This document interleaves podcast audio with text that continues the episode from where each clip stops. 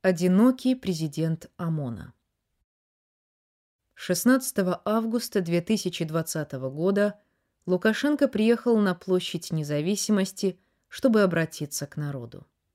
На эту встречу людей специально свозили со всей Беларуси. Площадь была оцеплена милицией и спецтехникой.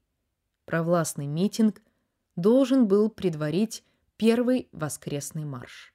В своем выступлении Лукашенко вновь говорил об угрозе Запада, развале Советской империи, а также о том, что не позволит разным кукловодам разорвать страну.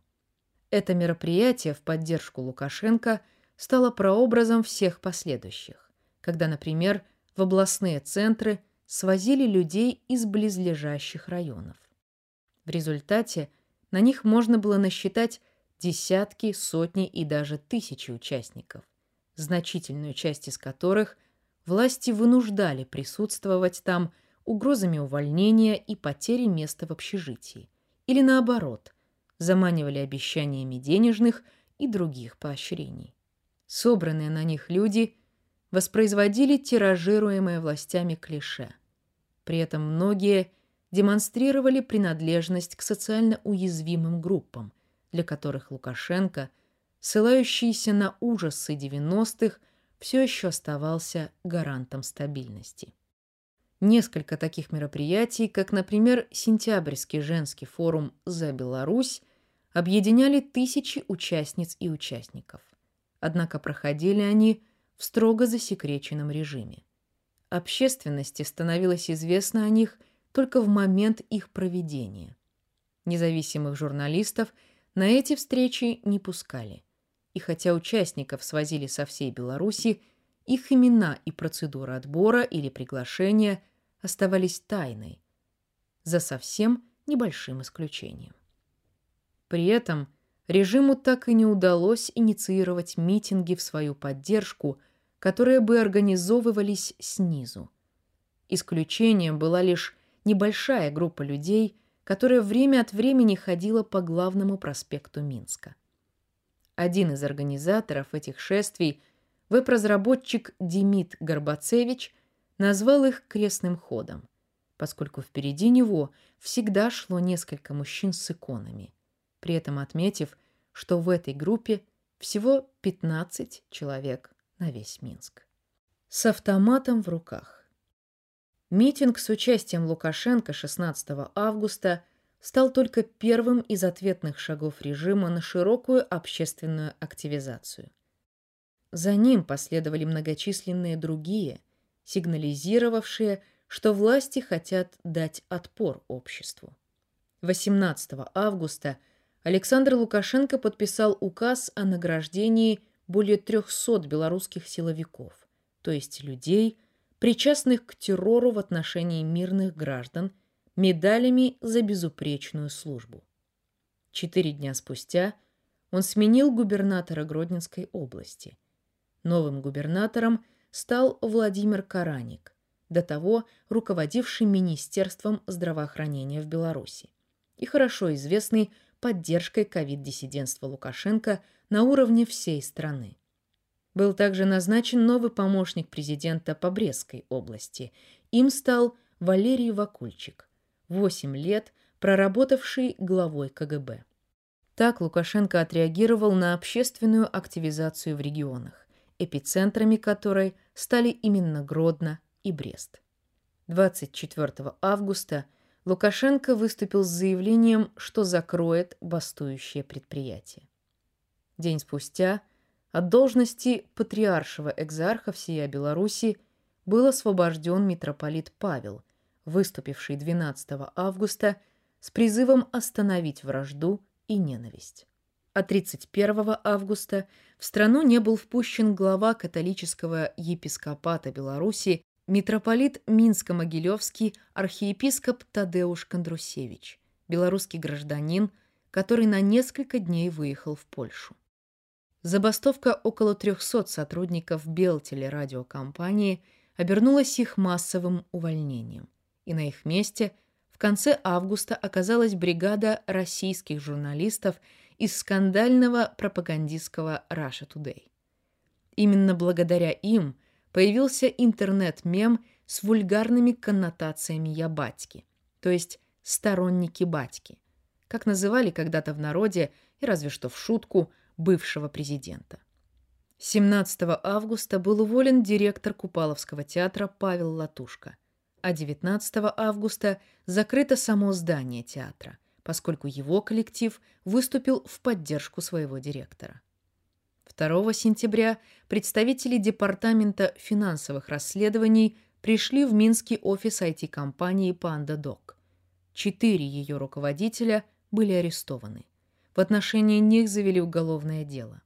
Связано это было с тем, что в середине августа живущий в Сан-Франциско глава этой компании Микита Микада запустил проект Protect Belarus с целью оказания помощи тем силовикам, которые откажутся бить людей и уволятся из органов. К нему обратились сотни бывших милиционеров. Несколько десятков из них успели получить выплаты, однако после ареста своих сотрудников Микада решил закрыть этот проект и начал заниматься релокацией белорусского офиса, чтобы вывести 250 сотрудников PandaDoc в другую страну. В середине августа Лукашенко получил из России кредит – в полтора миллиарда долларов. Российский эксперт Иван Преображенский написал, что бывший президент Беларуси получил большую поддержку, чем в свое время Янукович перед побегом из Украины в 2014 году. Он также отметил, что реальная поддержка Путиным белорусского диктатора была еще больше, и она связана с поддержкой банковского сектора. Ее необходимость обусловлена тем, что с начала акций протестов белорусы забрали из банков более 1 миллиарда долларов. И это при том, что более половины вкладов частных лиц в белорусских банках лежат как раз в иностранной валюте. И хотя эксперты написали, что большая часть российского кредита, скорее всего, пойдет на рефинансирование старых долгов Минска Москве, этот жест был воспринят в обществе как одобрение Путиным действий Лукашенко. К концу августа изменились и тактики давления на протестующих со стороны режима Лукашенко. Начались систематические преследования организаторов и участников стачкомов белорусских предприятий. Уголовное дело было открыто в отношении Координационного совета. Членов КС, включая Светлану Алексеевич, начали вызывать на допросы в Следственный комитет изменился характер поведения силовиков во время воскресных маршей. Начиная с марша 6 сентября, силовики стали более активно действовать в городе, перекрывая маршруты манифестантов и проводя достаточно жесткие задержания участников акций после того, как их основная часть расходилась.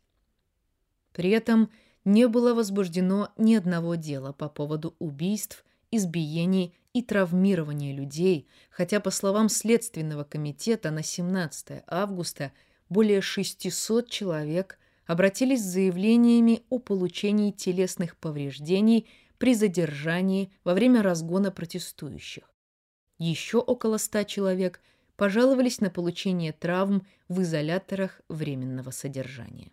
Несмотря на все предпринимаемые Лукашенко шаги, ему не удавалось вернуть себе утерянную легитимность, свидетельством чего являлись не только продолжающиеся акции протеста, но и тайная инаугурация нового президента 23 сентября. Об инаугурации заранее публично не сообщалось.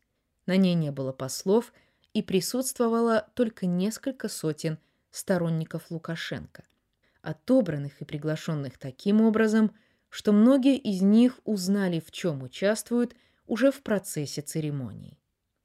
Образ одинокого бывшего президента Беларуси, уверенно выступающего разве что перед военными и ОМОНом, получил в связи с этим в народе обозначение «президент ОМОНа».